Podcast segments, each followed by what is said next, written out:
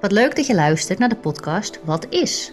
In deze podcast benaderen Yvette Visser, channel, auteur en medeoprichter van het Levenscollege en ik, Maartje Lutte, verschillende onderwerpen met de grote vraag: wat is dat eigenlijk?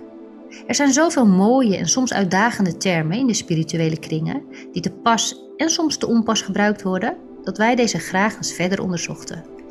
Want wat is acceptatie? Wat is loslaten? Wat is verlichting?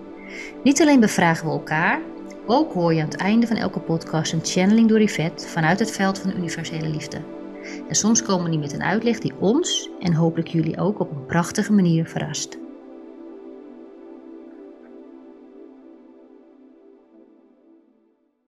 Goeiedag Yvette. Hallo Maartje. Daar zijn we weer. Ja, fijn.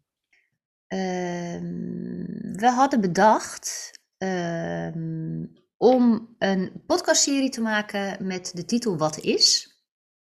En we kwamen erachter dat we eigenlijk al één podcast hadden opgenomen. Hè? Wat is liefde? Die hadden we al gedaan. Ja. En eh, jij had ook een heel mooi onderwerp nog. eh, eh, wat is verlichting? Die willen we ook nog gaan doen. We waren net even een voorgesprek bezig. Toen dachten we, wat is loslaten? Kan ook nog een heel mooi onderwerp zijn. Zeker. En we bedachten ons net ook dat het misschien voor de volgende keer beter is om op het moment zelf te kijken wat er ontstaat. Ja. Maar zover waren we vandaag nog niet, want ik wil het heel graag hebben met jou over acceptatie. Heel mooi. Ja, wat is acceptatie?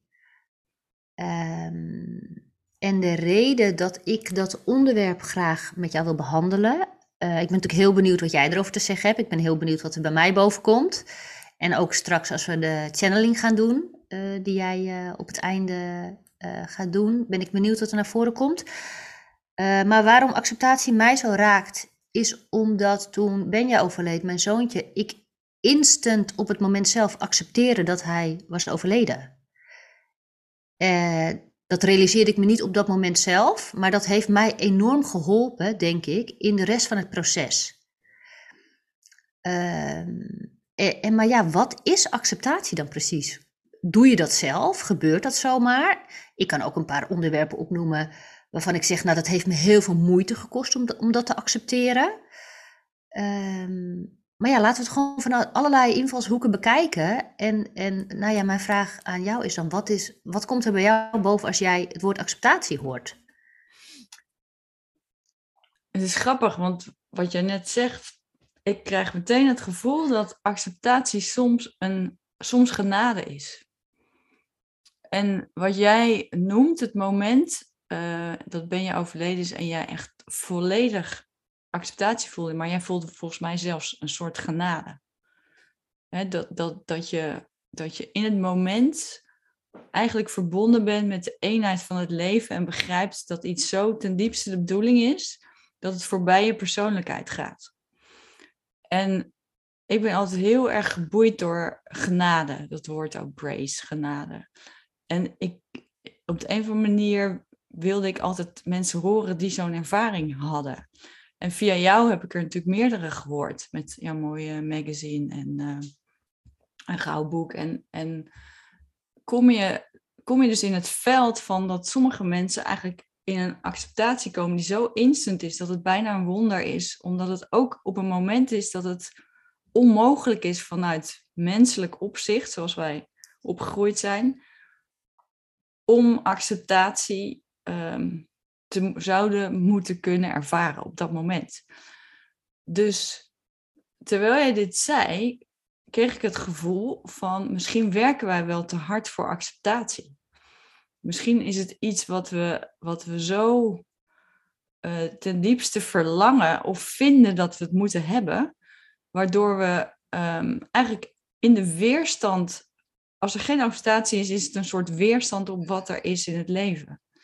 Um, dus dan kunnen we het verhaal gaan vertellen van oké, dus je persoonlijkheid kan er nog niet mee dealen, je kan er nog niet mee uit de weg en, en tijd heelt alle wonden en nou, al dat soort dingen die we geleerd hebben.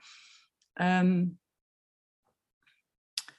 maar wat is acceptatie eigenlijk gewoon niet iets is wat je kan, je, waar je zelf eigenlijk niet letterlijk van kan beslissen, ik wil dit kunnen accepteren. Als ik naar een boom kijk, uh, een boom is. een, een uh, ik wou zeggen een dier is, maar een dier kan ook wel echt pijn opslaan. Maar als je naar de natuur kijkt, dan, dan zie je eigenlijk dat alles is. En, uh, en wij als mens zijn niet in het alles is. Wij zijn, wij, wij, onze ziel heeft een pad gekozen om hier van alles mee te maken en te ervaren. En ik heb wel eens tegen een vriendin gezegd van, um, over dit onderwerp, wat ik vergeten was heb ik kennelijk tegen haar gezegd op, op zo'n moeilijk moment van misschien gaat het over de ervaring en niet over de acceptatie. En, en daarmee kan je dan een beetje of de hoek uh, jezelf zetten, zeg maar. Hè? Van, van, nou ja, weet je, wat als dit een ervaring is en is het, het is een proces en het is niet een eenpuntig moment van acceptatie. Nou, dat, dat, ja, daar, dat, dat vind ik interessant, nu wij daarover praten. En het tweede is dat, dat ik wist natuurlijk, we gaan een, podcast over, dat, dat was het voordeel dat we het onderwerp wisten. En dat ik, ik voelde al, oké, ik hoef daar helemaal niet over na te denken, dat komt in dit moment. Maar de hele ochtend had ik het idee dat het over compassie zou gaan. En dan dacht ik, oh nee, nee, het gaat over acceptatie. En weer daarna liep weer een trap op, oh nee, hoorde ik weer het woord compassie. Dus, dus volgens mij is dat een aanwijzing van onze begeleiders. Dat, ehm, dat het misschien meer gaat over compassie voor hoe wij in het leven staan en waar we zijn op het moment, dan dat we letterlijk dat woord acceptatie. Ik ben benieuwd hoe, hoe jij dat ziet. Het woord acceptatie, wat, wat, wat, is dat? Ja, nou, ik ben heel druk aan het meeschrijven, nu je van alles zegt. Want ik denk, oh, dat, dat, dat, daar wil ik op reageren, dat wil ik zeggen. En ook het woord compassie, wat je net zegt, ik voel ook, eigenlijk is het, kijk, acceptatie is eigenlijk een eindpunt. Ja. Dat, dat op een gegeven moment is dat het resultaat van iets wat er gebeurd is, of, of, of hoe jij naar dingen kan kijken. Op een gegeven moment heb je iets geaccepteerd, denk ik. Uh, dus het is niet een shortcut van ik ga dit nu accepteren. Want dan focus je te veel op de acceptatie, inderdaad. En wat jij nu ook zegt met compassie. Misschien is het ook meer uh, het sturen van compassie en liefde naar dat moment wat jij zo moeilijk vindt. Dus, um, ja, dus ik denk niet dat je iets bewust kunt gaan accepteren. Er zijn andere krachten voor nodig. En uiteindelijk heb je iets geaccepteerd. Ja. En, en wat als wij wij, degene die dan wat, uh, uh, hoe moet ik dat zeggen? Sommige mensen leven gewoon en, en leven hun leven en denken ook niet na over acceptatie. Die, die weten gewoon ergens innerlijk van, oké, ik moet hiermee dealen en op een dag um, hè, zou ik zien hoe dat gaat. Of ik wil er niet zelf naar kijken, uh, want dat vind ik te pijnlijk. Ik leef gewoon door en ik ga meer op de automatische piloot als je wat bewuster in het leven staat, omdat je het zo interessant vindt om steeds jezelf te helen en te kijken hoe, hè, hoe ga ik hiermee om, um, dan, dan is dat woord acceptatie wel een hele grote sleutel in de zin van wanneer je het uh, koppelt aan bereidheid. Dus, dus bijvoorbeeld uh, toen ik de ziekte van Lyme kreeg, toen was ik vol bezig met healing, healing en bewustwording. En, en ik, ik dacht echt, huh? Hoezo kan ik dit niet meteen accepteren? Zo van, oké, oké, universe, interessant, wat is de boodschap, wat kan ik hiermee? Maar mag ik vragen dan, want jij zegt, jij zegt hoezo kan ik dit, niet meteen accepteren? Wat is dan voor jou, hoe, hoe definieer je op dat moment accepteren dan? Dat, dat het voor mij helemaal goed is dat ik dat dat op dat moment mij overkomt en dat ik weet van oké, ik ga hier. Maar goed, moet het goed zijn? Ja, dat, dat was dus mijn gevoel. Daarom zeg ik het. Ja. Daarom nam ik dit voorbeeld. Ja. Omdat um, ik vond dat ik daar totale vrede mee moest hebben en volledig vertrouwen moest hebben. Ja. En daarin geef ik precies aan wat ik als voorbeeld wilde geven. Want dan vind ik dus iets dat, ik, dat iets op een bepaalde manier moet zijn. Maar in mijn systeem is het helemaal niet zo. Hè? Ik, ik, ik kwam ook mijn angst tegen en ik kwam ook mijn, um, mijn ik wil dit niet, ik wil dit, ik wil dit niet. en dit is een klein voorbeeldje, want je hebt natuurlijk veel, veel heftigere dingen. Maar ik vond hem zo mooi omdat het een klein voorbeeld was. Ja. En dat ik er dus mee kon spelen. Dus in mezelf kon gaan voelen, oké, dus, dus ik heb hier niet meteen acceptatie op. En uh, ik buig er niet meteen voor, want ik vind er iets van. Ja. En, um, en, en daar vond ik wat van. Ja. Dus ik kreeg een dubbel oordeel op mezelf, dat ik niet gewoon uh, in volledige peace dacht, oh, nou, ja. dit gebeurt en dat is helemaal oké. Dus, dus acceptatie, um, wat ik een hele mooie stap daarvoor vind, als je het moeilijk vindt om uh, ergens mee om te gaan, wat heftig is, is ben je bereid om uh, de pijn aan te gaan? Ben je bereid om te kijken waar iets vandaan komt? Ben je bereid om um, eigenlijk om je kwetsbaar open te, uh, op te stellen? Ben je bereid om je hart te openen? En als ik kijk naar de roots waar ik vandaan kom, dan is dat een. een, een uh, zijn dat ouders, en waarschijnlijk ook weer ouders daarvan, die zo uh, overleefd hebben in, en, en zo nooit naar hun gevoel uh, hebben durven gaan. Omdat, ja, weet jij, mijn vader zei altijd: als die deksel eraf gaat, dan, komt, hè, dan, dan overspoelt het mij. Dan zou ik het nooit meer, dat, daar zou ik nooit meer om kunnen gaan.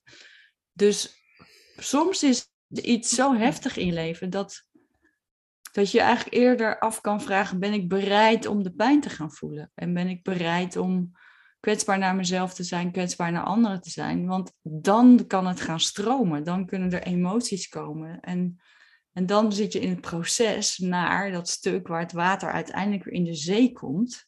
En dan voelt het als één. En dat is volgens mij het moment van acceptatie. Ja. Ik vind het mooi dat je net zei, ik vond dus uh, dat, het, dat het goed moest zijn, hè, die ziekte van Lyme. Want dat is denk ik wat mensen heel vaak verwarren ook met acceptatie, dat je het leuk moet vinden, of leuk, dat het oké okay moet zijn. Natuurlijk ja. vond ik het niet leuk dat Benja dood was. Natuurlijk vond ik het niet oké okay dat hij dood was. Acceptatie betekent niet dat je ergens oké okay mee bent, voor mijn idee. Acceptatie is meer dat je de situatie totaal aanneemt voor wat die is. Dus dat je geen wat als wereld eromheen gaat bouwen, maar de wereld, ja, de situatie accepteert voor, het kan niet anders zijn dan dit op dit moment. En daar ben je dan oké mee. Niet met de gebeurtenis zelf, maar dat het niet anders kan zijn dan dit. Dit is het. Dat, dat ben je overleden was en ik, ik veel contact had ook met ouders van andere overleden kinderen, omdat je die dan opzoekt. Je zoekt elkaar op en je praat met elkaar en je deelt ervaringen. Eigenlijk al die ouders zeiden tegen mij: Oh, en Maartje, um, hij had nu al kunnen lopen. Of hij had nu naar school gegaan. Of hij had nu. En dan dacht ik altijd: Hè? Ik, is dat zo? Hoe oud had hij nu geweest? Of ik, ik hou dat allemaal niet bij, want hij had niet nu kunnen lopen. Weet je, voor mij was het helemaal nooit in vragen hoe die eruit had gezien of zo. Ik heb dat helemaal niet, want zo is het gewoon niet. En ik heb er ook een blog over geschreven, de wat als wereld. Wat als het zo was gegaan? Wat als het zo was gegaan? Ik denk als je al die gedachten aan blijft hangen, dat is ook iets wat je weghoudt bij acceptatie. Omdat je de situatie wil dat de situatie anders is dan dat die is. Het heeft er niet mee te maken of je het leuk vindt dat de situatie zo is. Heel mooi hoe je dit zegt. En en, da en daarin voel je ook weer een beetje hoe machteloos je kan zijn. Want ja. jij zag het en jij kon het en jij kon het zien vanuit dat er een wat als wereld is. Als je er middenin zit, begrijp je gewoon niet hoe je daar komt. En de metafoor die net gegeven werd vanuit de rivier die weer in de zee opgaat. Toen dacht ik, ja, wauw, als ik jou hoor praten, is dat wat er gebeurde. Bij jou ging de rivier weer op in de zee.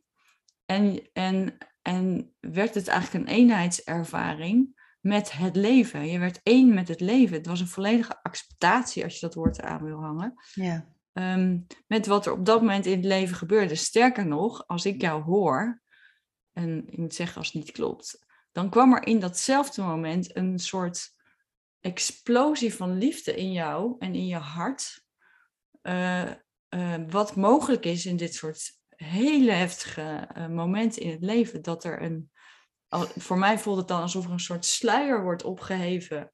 Net als in een bijna doodervaring. Waarin waarin je in één keer zo in dat grotere veld komt, dat je een liefde wordt, een liefde bent. En, en er eigenlijk een heel stuk van je hele persoonlijkheid uh, even verdwijnt.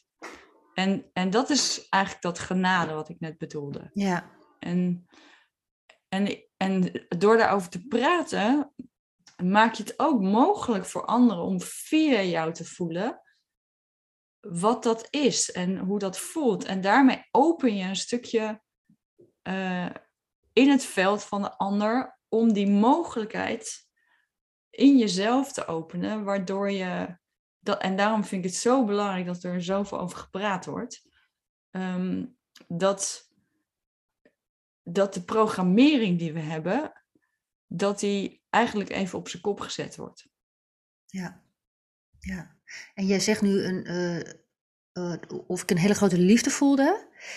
Uh, ik, ik omschrijf het altijd meer als een soort rust, maar een soort alsof alles helemaal perfect is op dat moment dat ben je overleed voelde voor mij, alles is helemaal perfect. Net alsof ik gewoon de, ja, de, de, de, de dit is niet het goede, ik weet niet hoe ik het moet omschrijven, maar bijna de moleculen voelde van het leven, die allemaal op hun plek vielen.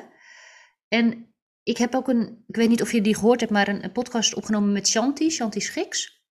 Zij heeft haar zoontje verloren, Elvin. Ik heb toevallig haar boek hier liggen. Uh, en haar zoontje is echt door een geweldsdelict om het leven gekomen. Hè. Haar uh, ex-partner heeft haar zoontje uit het raam gegooid. Dus allemaal echt heel heftig. Maar zij heeft diezelfde ervaring gehad als ik. Wow. Echt instant acceptatie. Ik ben juist in mijn armen overleden. Dus daarom was ik zo geïnteresseerd ook in haar verhaal. Uh, zij heeft hetzelfde ervaren als ik in een nog heftigere situatie. Maar zij zegt ook, ik voelde gewoon instant acceptatie. En daardoor kwam er zo'n rust over me heen.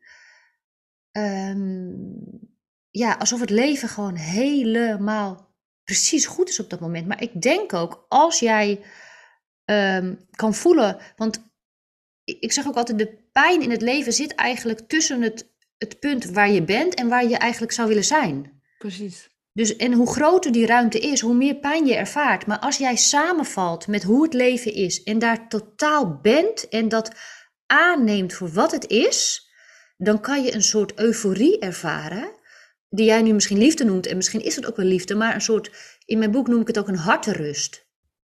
Dus dat zijn, er zijn natuurlijk zoveel werelden tussen ons hoofd en tussen ons, onze ziel of wat dan ook. En dat zijn allemaal bellen die half in elkaar overgaan. Maar als het samenvalt, ja, dan dat is bijna een soort drugs.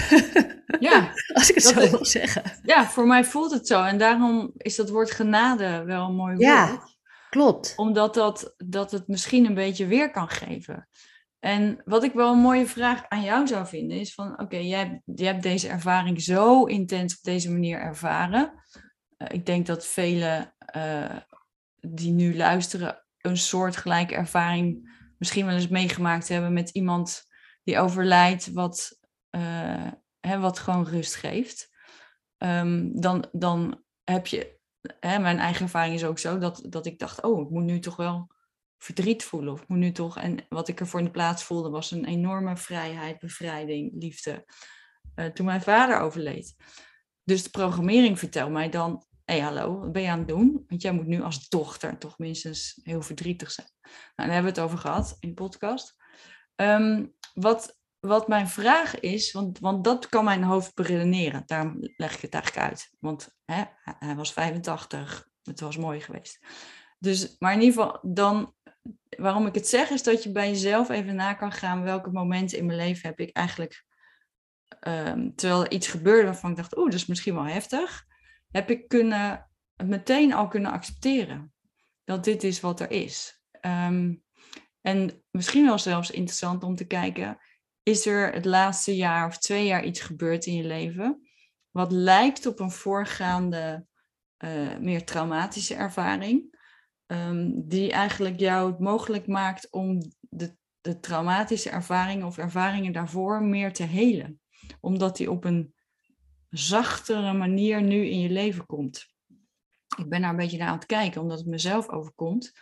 Um, ben ik, ben ik aan het kijken van, is het zo dat er op dit moment zoveel heling plaatsvindt op oude uh, trauma's in ons leven, die nu door al dat licht wat op aarde komt en door alles, hè, alles wat er.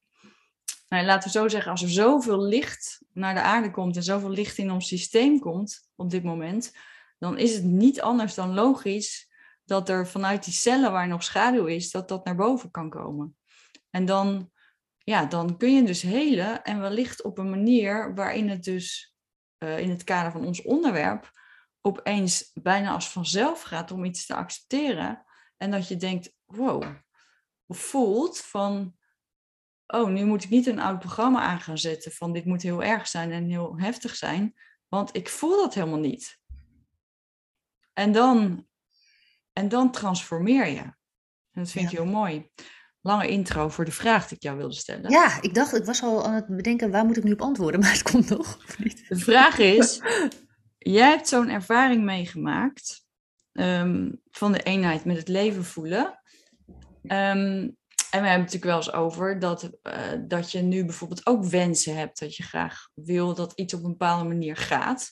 Uh, en dat het niet precies uh, op de timing komt dat jij dat wil of, of dat. Hoe, hoe kan jij ons allemaal iets meegeven wat zo'n ervaring, um, hoe, je, hoe jouw ervaring iets kan uh, bijdragen voor onze ervaringen wanneer wij in het leven voelen van, ja, ik, ik, ik, er zit nog een stuk tussen mij, wat ik graag wil en wat het leven mij nu laat zien.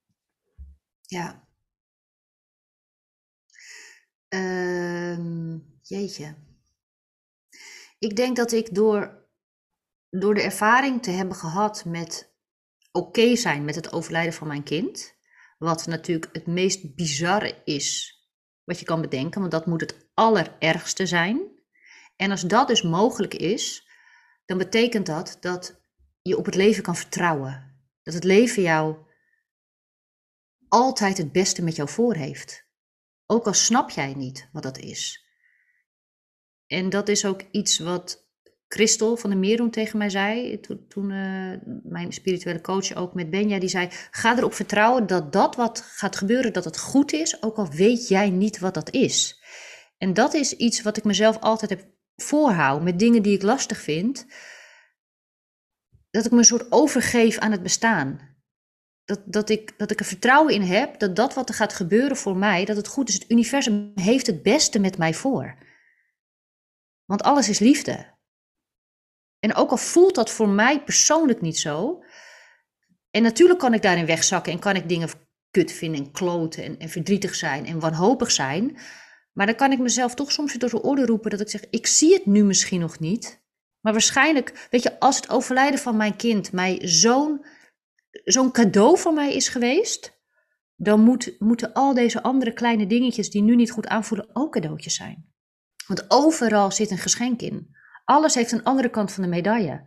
Als iets zwart is, moet er ook licht zijn. Er is geen schaduw zonder licht. Dus er moet altijd een cadeautje in zitten. Ook al hmm. zie ik nog niet wat het is. Ja, prachtig. Ja, jij verwoordt nu echt letterlijk mijn grote liefde voor het leven. Ja.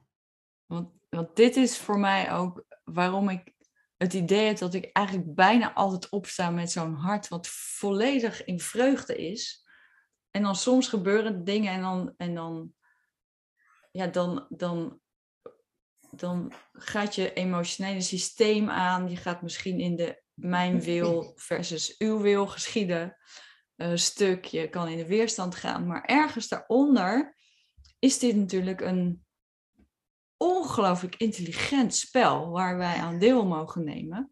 Um, waarbij wij niet het geheel zien. Ik weet nog dat Julie, onze dochter, die was helemaal in de Sims. Dat was toen zo'n spel, dan kon je je eigen huis bouwen en je eigen familie bouwen en je kon alles maken. En zij zat er helemaal in.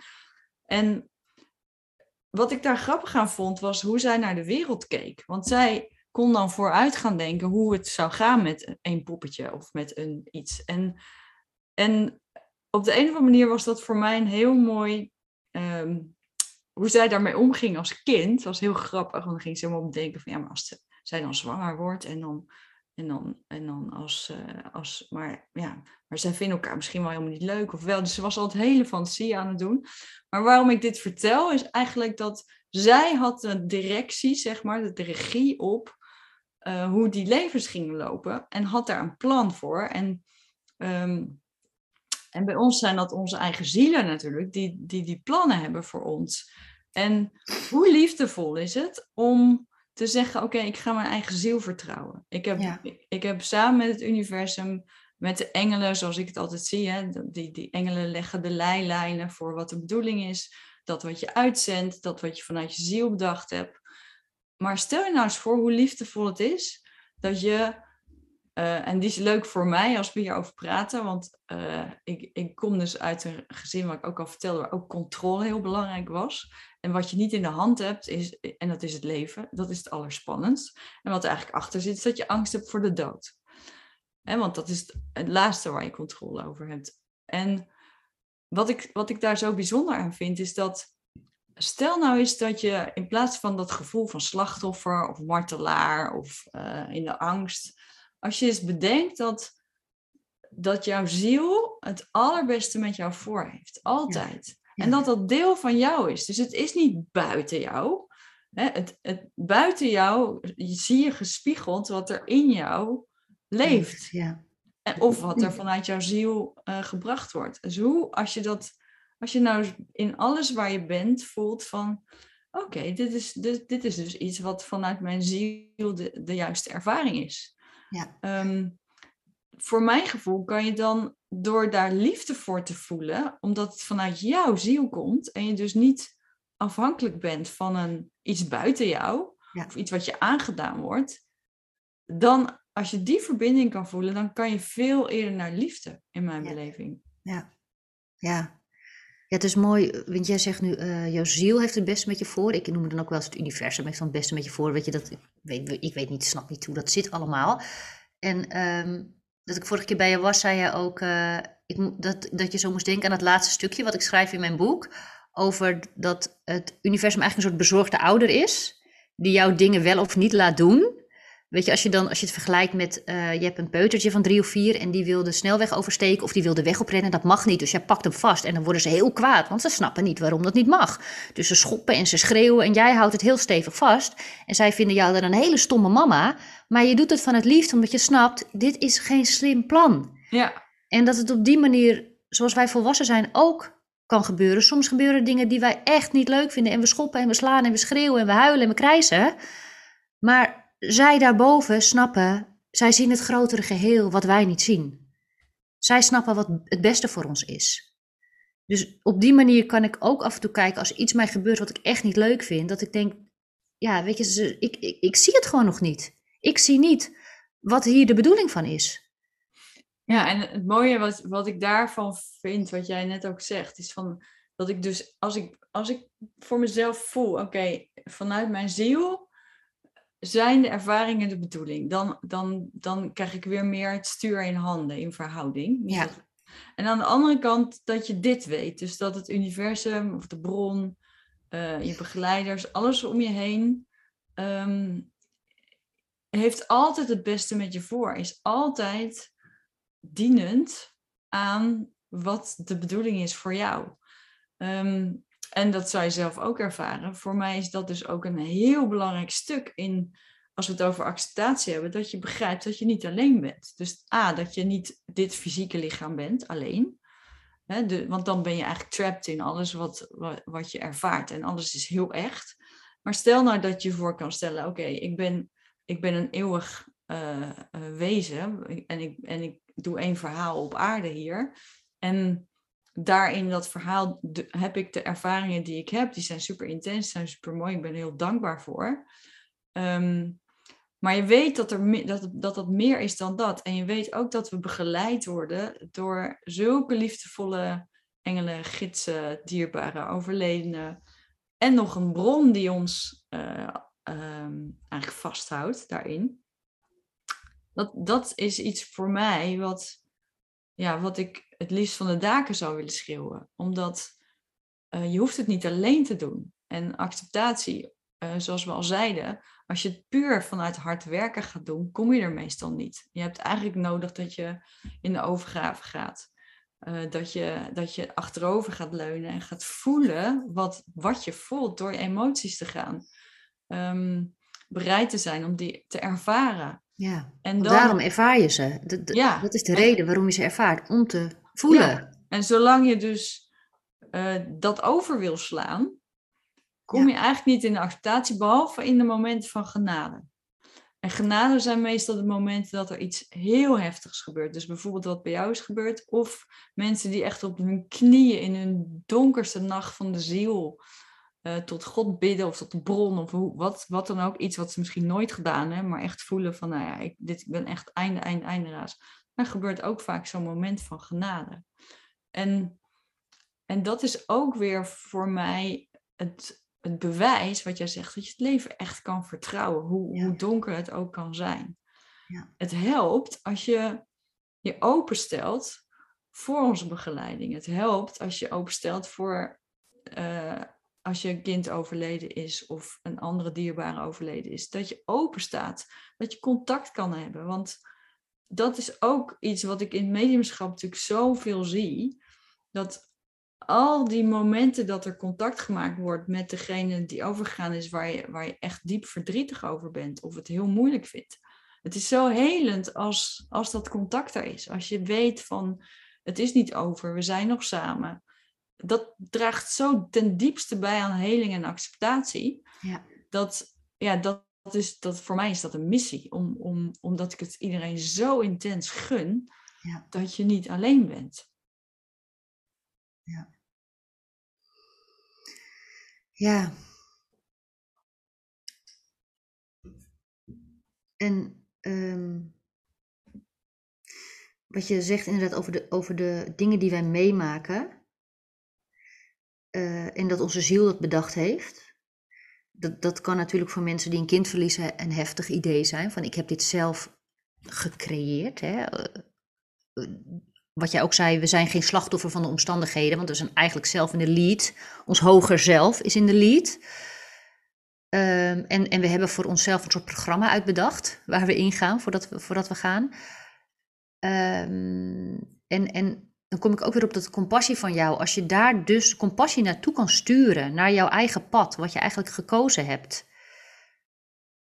Dat, dat helpt bij, bij het eindpunt acceptatie. Want wat je, wat je net ook al zegt, we moeten het accepteren. Het, het klinkt zo erg als het is niet leuk en ik moet dat oké vinden. Dat is eigenlijk hoe wij acceptaties zien. Het is niet leuk en ik moet het oké vinden dat het niet leuk is. Maar het is wat anders. Het is inderdaad, weet je, stuur liefde naar datgene wat gebeurd is, ook al is dat heel pijnlijk, omdat dat iets is wat, wat uh, gebeurd wil zijn. ja, het, het, het, is iets wat, wat wil gebeuren, wat wil ontstaan. Dus, dus als je daar compassie en liefde naar kan sturen, zonder het idee te hebben, ik moet het oké vinden, ik moet dit leuk vinden, stuur gewoon liefde naar die gebeurtenis. Hoe dat er ook voor jou uitziet.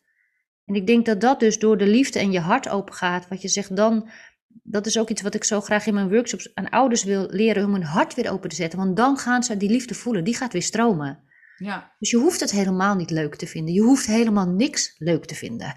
We leren het meest van de dingen die we niet leuk vinden. Ja, misschien moeten we zelfs wel zeggen, je hoeft helemaal niks te accepteren. Hoezo moet je iets accepteren als, het, als acceptatie betekent dat iets goed moet zijn? Ja. Weet je, het is, het is, uh, het is pas goed als het goed is. En het einde is het niet pas. Hè, zo, het is zo'n mooi gezegde van, uh, het is niet het einde als het nog niet goed voelt. Ja. En um, wat mij erop brengt over wat jij zegt over hart openen, vind ik ongelooflijk belangrijk en mooi. En zeker voor mensen die hetzelfde hebben meegemaakt als jij, um, maar zoveel andere dingen die zo heftig zijn. Echt traumatische ervaringen.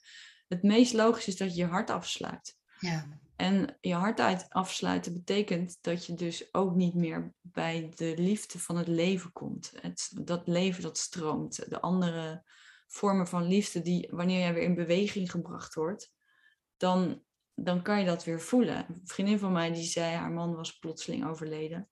En ze zei uh, laatst, ik voel voor het eerst dat ik weer door het leven gekust word. Ja. En het, het is een, het is een, een rouwproces, um, waarin als ik naar haar kijk, ik, alleen maar heb gedacht, wow, hé, wat, wat heb je dat ongelooflijk mooi gedaan. Want ze had zeker niet een genademoment toen, toen dat heftige gebeurde.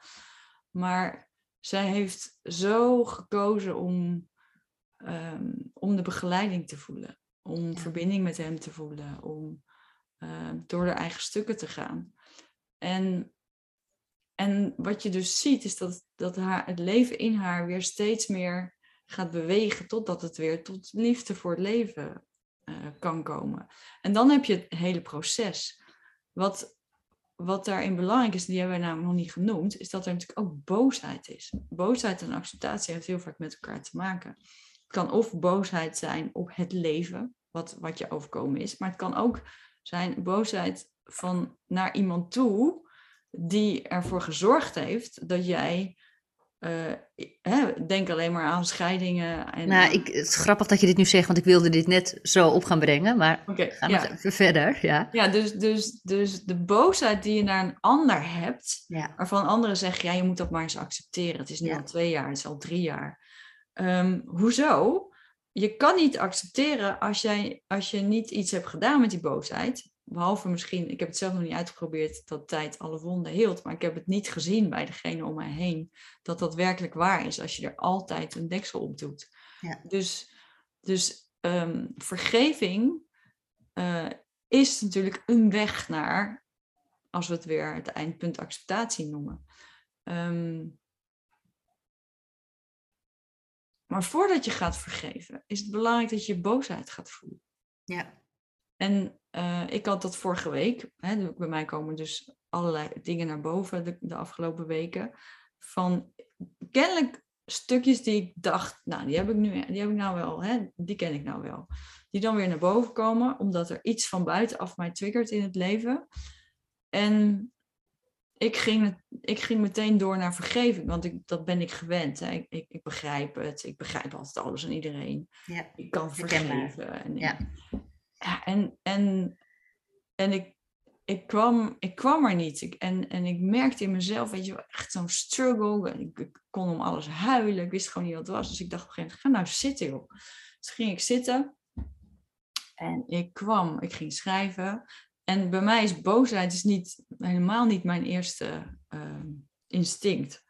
Dus als ik naar boosheid ga, dan heb ik echt even een momentje nodig om, om daarin te zakken. En toen ben ik gaan schrijven en, ik, en ik, al mijn boosheid eruit. En dat vind ik nog steeds heel moeilijk. Want ik mag niet boos zijn. Ik heb geleerd, ik mag niet boos zijn. Mhm. Maar door die boosheid is helemaal uh, uh, zelf, helemaal op mijn manier. Je kan ook op kussen slaan, je kan schreeuwen, je kan alles doen. Um, helemaal te doorleven. Daarna was het veel makkelijker om te vergeven. Ja. Want dan is het werkelijk vergeven. Dan is mijn hart open omdat ik die boosheid eruit heb geflikkerd.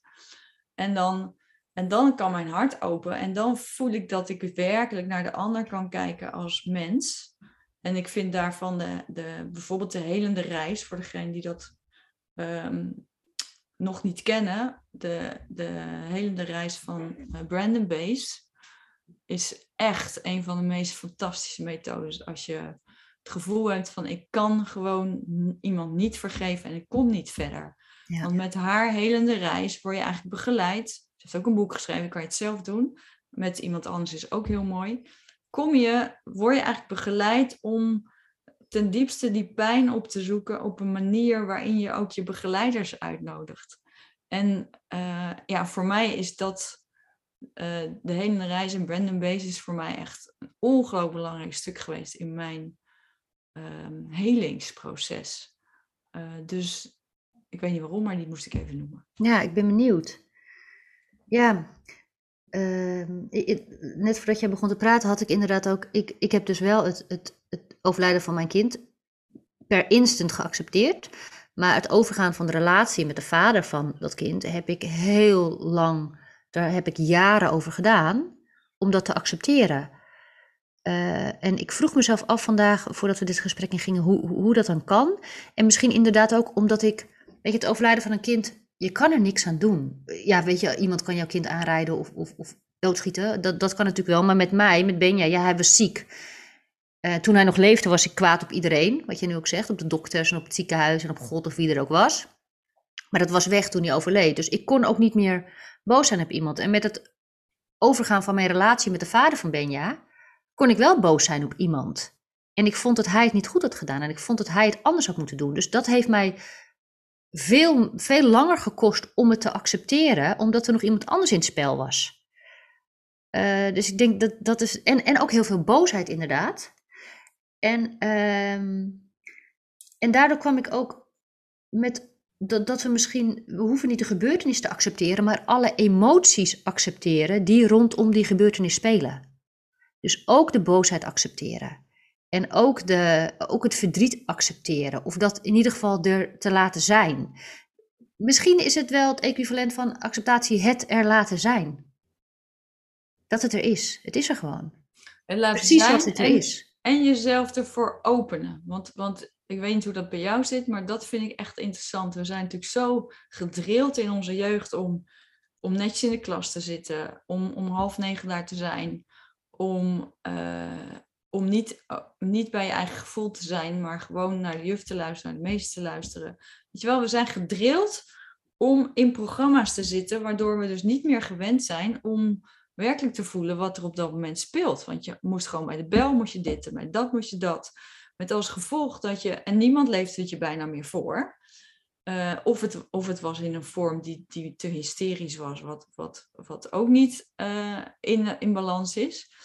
Dus dus het gaat er ook om, denk ik, dat het heel belangrijk is om, wanneer we het hierover hebben en we, en we luisteren naar elkaar allemaal en we voelen bij onszelf, zijn wij zo lief voor onszelf eh, en om kwetsbaar te durven zijn. Ik zal nog maar één keer zeggen, maar het voelt alsof ik nog één keer mag zeggen van dat alles er echt mag zijn en dat je de ruimte geeft en neemt, de tijd ervoor neemt ook, niet wegstopt, maar dat je ermee gaat zijn precies wat jij zegt.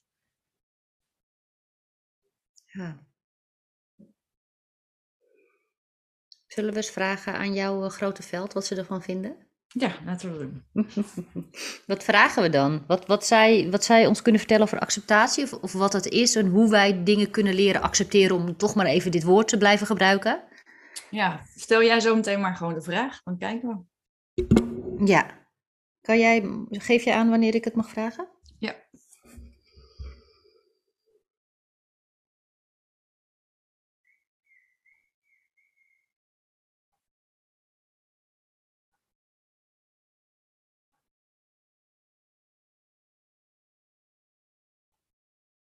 Ja. Ja. Ik zou graag willen weten uh, wat jullie ons kunnen vertellen over acceptatie. Um, wat dat voor jullie betekent. Wat het ons kan brengen en hoe wij het beste iets kunnen accepteren. Maar de eerste vraag is dus: um, wat, wat betekent voor jullie acceptatie? Wat is dat volgens jullie? Acceptatie is iets wat wij hier niet kennen. Omdat het er altijd is. Acceptatie als het is als het benoemen van de druppel in de zee. Door te willen isoleren dat er een druppel is in die zee. Met andere woorden, bij acceptatie, in de vorm hoe jullie dat zeggen, breng je eigenlijk altijd een een scheiding aan tussen wat is en wat zou moeten zijn. En als jullie begrijpen wat we bedoelen, dat bestaat bij ons niet, want wij zijn in het is. Mooi. En het tweede deel van jouw vraag was. Kun je dat nog één keer herhalen? Uh, nou ja, wat dus volgens jullie acceptatie is. En, en uh, je hebt net heel mooi uitgelegd wat het, wat het voor jullie is en dat het eigenlijk niet bestaat. Maar de energie die wij daarmee bedoelen, hè, iets, iets accepteren, um, wat, ons, wat ons wel verder kan brengen. Hoe, uh, wat kan ons acceptatie wel brengen? Of in ieder geval, ja, hoe zouden jullie het dan noemen? Jeetje, wat moeilijk allemaal dit.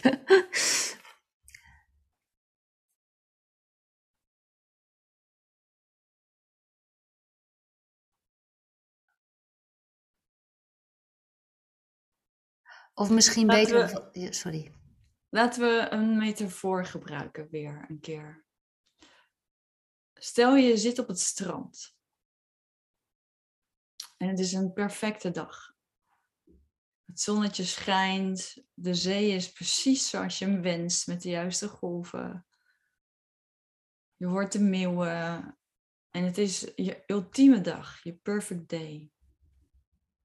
En dan op een gegeven moment uit niets, je hebt niet, je hebt niet echt gekeken, want je lag lekker te genieten. komen er hele donkere wolken en opeens begint het heel hard te regenen.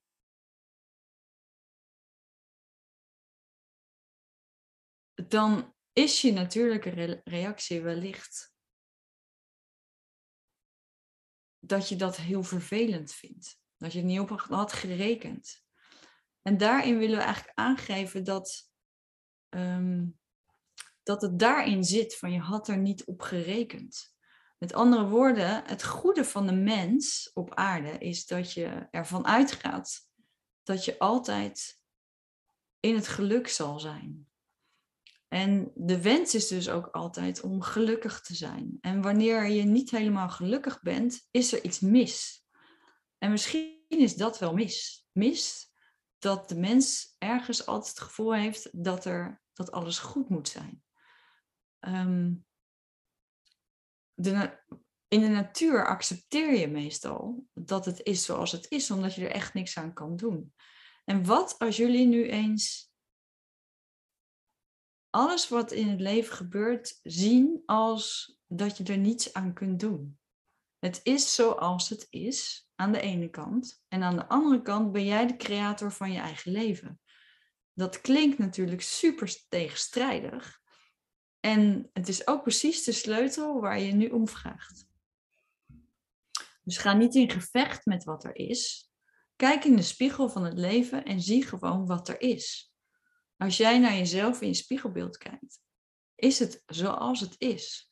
En natuurlijk kan je dan alle puntjes gaan benoemen waar je niet tevreden over bent. Of je kijkt in de spiegel in die prachtige ogen je ziet je ziel en je denkt, wauw, ik ben op aarde. Hoe mooi. Dus hoe je kijkt, is jouw instrument.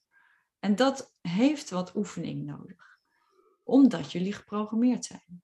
Dus begin eens in het klein. Begin eens te dankbaar te zijn voor de meest gewone dingen.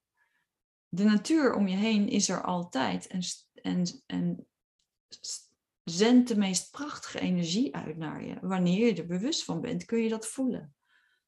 Kijk eens om je heen wat er allemaal wel is, als er iets is wat je zo moeilijk vindt. Dankbaarheid is de sleutel tot het openen van je hart. Zelfs als je hart ten zeerste gesloten is, is dankbaarheid een sleutel, omdat je als mens geprogrammeerd bent ten goede, dat er altijd hoop is en, en dat je altijd dankbaar kunt zijn voor iets in je leven. En dat is een groot goed wat de mens heeft meegekregen. In tegenstelling tot bijvoorbeeld een boom die een boom is. De mens heeft emoties die van een hogere frequentie zijn. En eigenlijk is er dus, als je het over acceptatie hebt, een opdracht. Niet om te accepteren, maar om te zorgen dat je jezelf steeds weer in een hogere frequentie emotie brengt. Dus dankbaarheid. Liefde die je kunt voelen voor iets waar je nog wel liefde voor kunt voelen. En wanneer we praten over wat jullie net zeiden, wanneer het een ander is waar je boos op bent, dus niet zozeer een situatie, maar echt een ander mens, is dat je ook eens door de ogen van je hogere zelf naar die persoon kijkt. En misschien kunt inzien dat jullie samen die afspraak hebben gemaakt voordat je in dit leven stapte, om dit te ervaren en mee te maken. En dat de ander dus precies de juiste rol speelt in jouw leven. En dat je daarachter weer kan zien dat die persoon vanuit eigen pijn en wat hij of zij als kind heeft meegemaakt, acteert precies op de manier die de bedoeling is voor die persoon en dus ook voor jou. En we weten dat dit allemaal simpel klinkt wanneer je er niet middenin zit. En wanneer je te diep in iets zit om überhaupt dit soort dingen te kunnen doen, wees dan vooral heel lief voor jezelf. En stel je voor dat er een engel bij je is die over jouw haren strijkt, die jou geruststelt. En vraag wanneer je een dierbare overleden hebt, of diegene bij je wil zijn om je hand vast te houden. En ik hoef je het niet direct te voelen of te ervaren. Het weten is genoeg, het vragen is genoeg, want dan kunnen zij bij jou zijn. Het andere wat we nog willen zeggen is: doe het niet alleen. Doe het niet allemaal zo alleen. Jullie zijn zo geneigd om altijd alleen je ellende op te lossen. Je moet sterk zijn, je moet krachtig zijn, je moet het toch alleen kunnen. Hup, schouders eronder.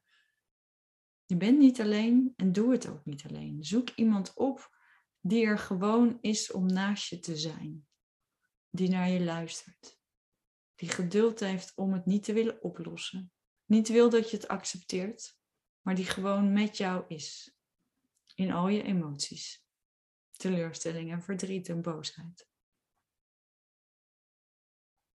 Want door daar samen in te zijn, is het voor jou nog makkelijker om langzamerhand van boosheid en verdriet naar dankbaarheid te komen. Want dat zullen jullie ervaren wanneer jullie het woord acceptatie daadwerkelijk kunnen ervaren zoals, zoals het de bedoeling is. Dan stromen die emoties als vanzelf door naar dankbaarheid. Dankbaarheid voor de situatie, dankbaarheid voor de persoon die jou dit aan heeft gedaan. Want je uiteindelijk op de stoel komt te zitten van je hogere zelf. Of als je zou willen zeggen, de ogen van de bron. Dat je dan kunt zien en begrijpen waarom dit de bedoeling is. En misschien is de ultieme acceptatie, zoals jullie dat noemen, wel wanneer jouw leven eindigt. En je een terugblik krijgt op alles wat je ervaren hebt. En dat je dan kunt zien waarom iets de bedoeling was. Als je dat tijdens je leven nog niet hebt kunnen begrijpen. Want wellicht heeft het ook met begrijpen te maken. Dat je begrijpt dat het leven altijd voor jou leeft, voor jou is. Ook als dat absoluut niet zo lijkt. Mooi. Dankjewel. Dankjewel.